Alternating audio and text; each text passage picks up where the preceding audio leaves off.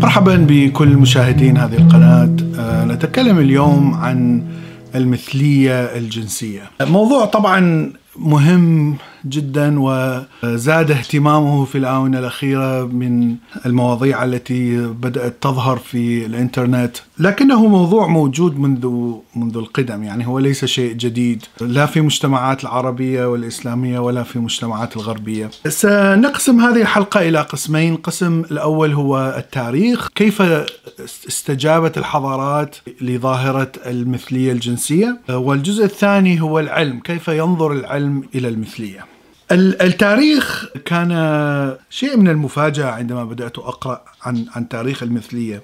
عندما ننظر إلى جميع الحضارات نلاحظ أن هناك تقريبا 40% 41% من الحضارات كانت تعادي المثلية الجنسية في شعوبها. الدراسة التي عملت كانت تقريبا 42 حضارة. 21% كانت مقبولة أو كانت لا يعني لا تحارب. كانت موجودة في المجتمع الحاكم أو الملك كان لا يهتم بهذه الظاهرة سواء كانت آه، منتشرة أو غير منتشرة.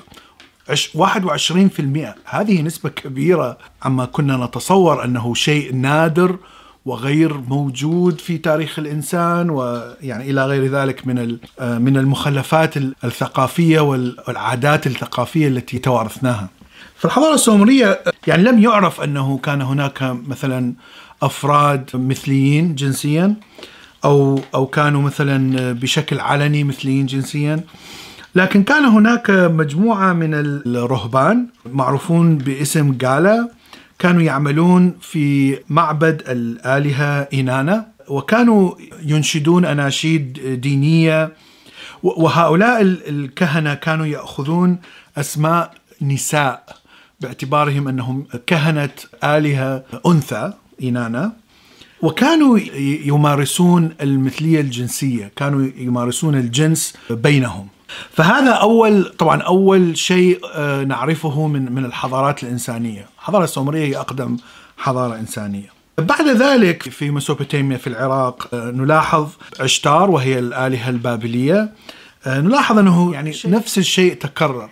الكهنة الذين يخدمون في معبد عشتار أيضا يلبسون ملابس النساء يمارسون الرقص الحربي وأيضا الكلمات الأكدية التي نقلت عنهم تدل على أنهم كانوا يمارسون الجنس فيما بينهم. طبعا يعتبر هذا الجنس مثلي. في الإمبراطورية الآشورية في شمال العراق المثلية الجنسية كانت موجودة وكانت معروفة ولم تكن ممنوعة. ولم ينظر إليها كأنها شيء لا أخلاقي.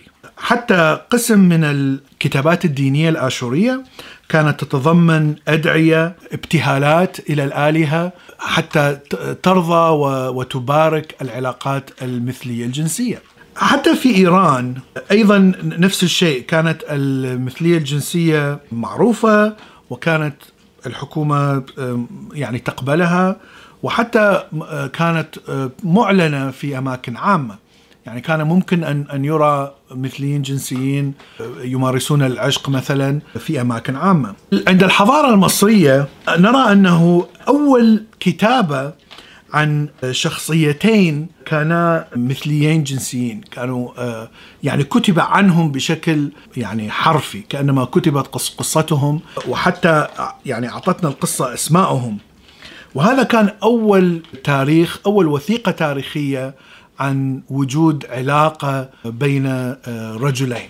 تقريبا 2400 قبل الميلاد تاريخ الوثيقة التي تتحدث عنهم في الصين كانت المثلية الجنسية أيضا مقبولة. في الصين الحضارات القديمة للصين.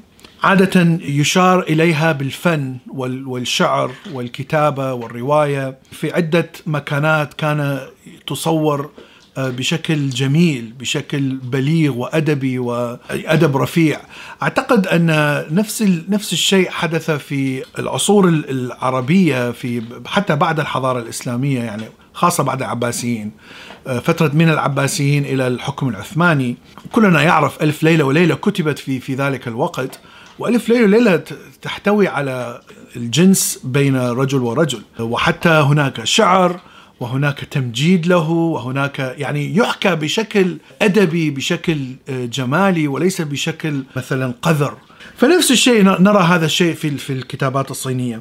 نلاحظ أن الكتابات الصينية طبعا موجودة إلى حد الداينستي الأخيرة في 1600 1700 عندما جاءت هذه السلالة بدأت تتأثر بالحضارات الغربية وبدأت تظهر الأفكار المعادية للمثلية الجنسية. نفس الشيء نلاحظه في الهند. كانت تقبل بالمثلية الجنسية حتى بدأت تحتك بالحضارة الإسلامية. وعندما وصلوا المسلمين إلى الهند فبدأت تأخذ الأفكار الأديان الإبراهيمية التي كانت تعادي المثلية الجنسية بشكل كانت تقتل المثليين تماما. فبدأت الهند تتأثر بهذه الأفكار ونرى بعد ذلك أن الحضارة الهندية بدأت تعادي المثلية الجنسية. في الأمريكيتين القارتين الأمريكيتين نفس الشيء نلاحظ أن ال indigenous people الناس الأولين الذين جاءوا إلى إلى القارتين منذ عشرة آلاف سنة. أيضا كان عندهم المثلي الجنسي شيء طبيعي ولا يحارب. حتى كان عندهم أماكن علنية. قسم من الطقوس كانوا يعرضون فيها المثلية الجنسية طبعا عندما جاء الإسبان شاهدوا هذه الأشياء طبعا قمعوا قمع شديد المثلية الجنسية وتقريبا قضوا عليها تماما. في اليونان القديمة وروما القديمة فكرة المثلية الجنسية كانت شيء مختلف قليلا عن الحضارات الشرقية القديمة. كانت عادة ليست مرغوبة فيها ولا يوجد هناك أناس عندهم علاقة مثلية جنسية، يعني هم يحرمون هذا الشيء بين الأحرار، بين المجتمع الحر. لكن عندما تأتي إلى العبيد وإلى الغلمان يعتبرونه شيء لذيذ جدا وجميل جدا ويتفننون بجماله. فكانوا يشترون الصبيان الجميلين بأثمان غالية.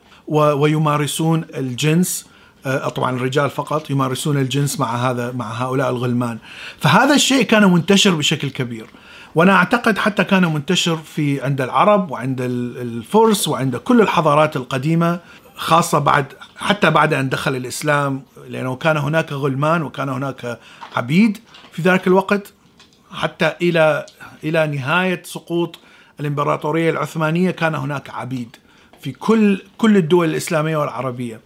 طبعا كلنا نعرف أن الأديان الإبراهيمية حاربت المثلية الجنسية وهذا هذا الشيء الذي جعل المثلية الجنسية حرية المثلية الجنسية تقريبا تزول تماما في العالم كله لأنه طبعا المسيحية انتشرت في أوروبا والإسلام انتشر في الشرق وفي أفريقيا وفي آسيا بعد ذلك المسيحية انتشرت في أفريقيا وآسيا وتقريبا الآن العالم كله ما عدا أوروبا هو يا مسيحي يا مسلم وكل هذه المجتمعات تحارب المثلية الجنسية يعني حربا شديدا لوجود كتابات مقدسة في هذه الكتب توراة إنجيل والقرآن وتحاربها محاربة شديدة.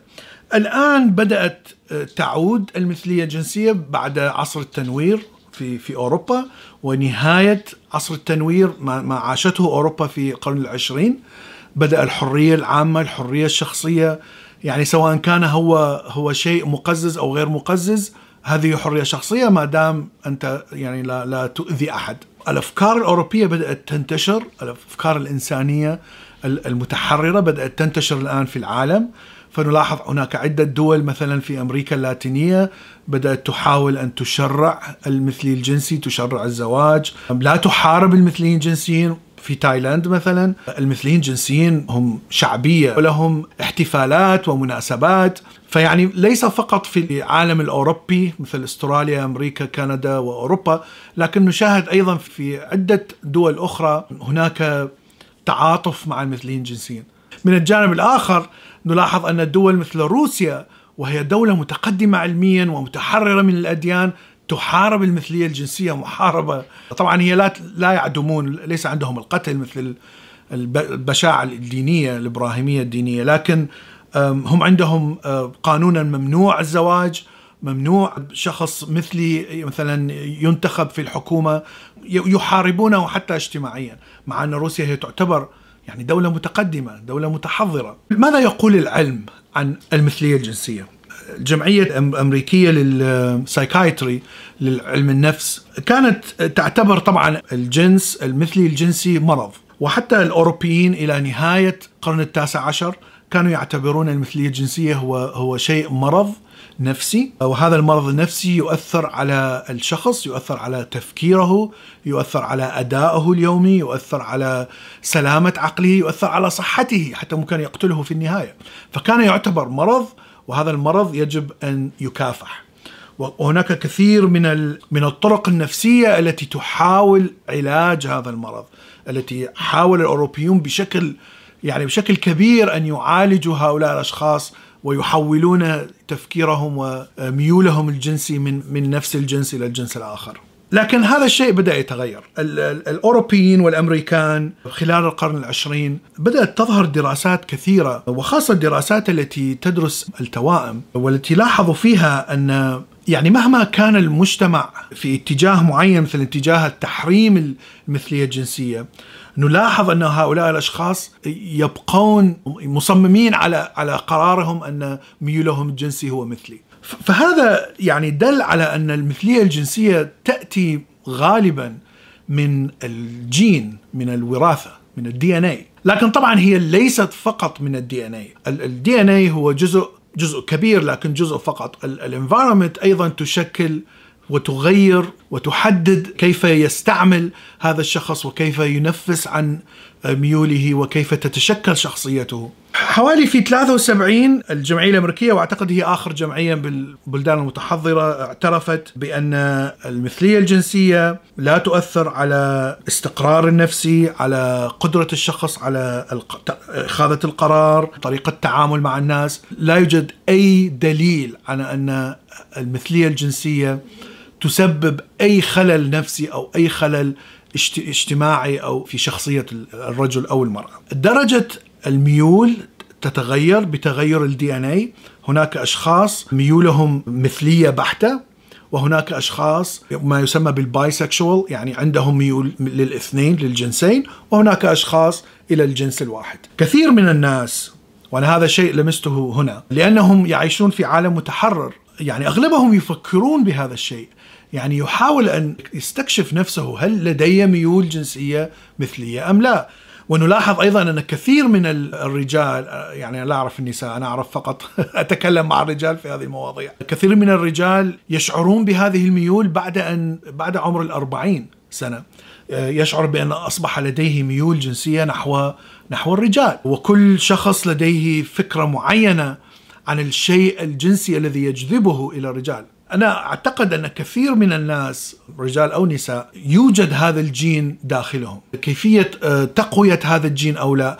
أو إذا كان نسبة الجين آه، ليست قوية جدا اذا المجتمع يتحكم فيك وممكن أن تكبت هذا الشيء بشكل قوي. لكن إذا هذا الجين كان قوي جدا ولا تستطيع آه، منع نفسك فاذا أنت تكون فعلا مثلي جنسي ولا تستطيع أن أن تفكر بالجنس الآخر. أنا أيضا عندي أصدقاء هنا مثليين في أمريكا. يعني أنا أكون شديد الفضول يعني عندما أتكلم معهم يعني عندما تنظر إلى امرأة مثلا صورة امرأة عارية مثلا كيف تحس؟ يقول أحس بالتقزز. يعني يعني شيء غريب جدا. يعني أنا أنا بالنسبة لي أنا لست مثلي فصعب علي أن أتخيل يعني كيف يشعر هذا الشخص. قال لي أنك إذا أنت لست مثلي مثلا جنسي إذا ترى شخص صورة شخص رجل عاري تشعر بالتقزز. قلت له صحيح يعني أنا لا أشعر بأي بأي رغبة أو أي شيء أشعر بالتقزز عندما أرى. قال لي هذا بالضبط ما أح ما أشعره عندما أنظر إلى امرأة عارية. لم يكتشفوا لحد الآن أي جين معين. وهناك عدة جينات مشكوك في أمرها. يعتقدون أن هذه الجينات تؤثر على كونك مثلي جنسي لكن لا يوجد شيء محدد. الدراسات ما زالت مستمرة واعتقد أننا سنكتشف في يوم معين سنكتشف كل الجينات التي تؤثر. لكنها ليس شيء بسيط ليس هو جين واحد بسيط. الشيء أيضا المهم لا يوجد دليل على أن تعامل الأهل مع الطفل يسبب المثلية الجنسية. مثلا إذا طفل لم يكن لديه جينات المثلية الجنسية لا يمكن أن يتحول إلى مثلية جنسي يعني لا يوجد دليل على ذلك. حتى لو كان الطفل يعامل يعني معاملة النساء مثلا ويدلل وإلى غير ذلك. مثلا أو أو هذا الطفل مثلا يغتصب كما هناك كثير من الحالات. حتى لو اغتصب هذا الطفل فهو لا يتحول إلى مثل جنسي بعد ذلك. يجب أن أن يكون لديه الاستعداد الجيني الوراثي حتى يكون مثل جنسي هذا شيء مهم جدا. الشيء المنطقي أن هذه الصفة الوراثية صفة المثلية الجنسية لا تفيد التطور بأي شيء، التطور نحن نعرف الحياة دائما تدفع بالكائن الحي إلى أن يعمل أطفال، ففكرة المثلية يعني هو شيء بالضبط عكس عملية إنجاب الأطفال. اذا لماذا تطورت هذه الصفة؟ فهذه فعلا مشكلة في نظرية التطور. الشيء المثير هو في عالم الحيوان المثلية الجنسية موجودة بشكل كبير وهذا شيء يعني اكتشف في في القرن العشرين. تقريبا كل الحيوانات اللبائن الزواحف حتى الأسماك كل الحيوانات تمارس المثلية الجنسية. وقسم تمارس بشكل نسبي كبير قسم بنسبة قليلة. هناك قصة مشهورة في حديقة حيوان نيويورك.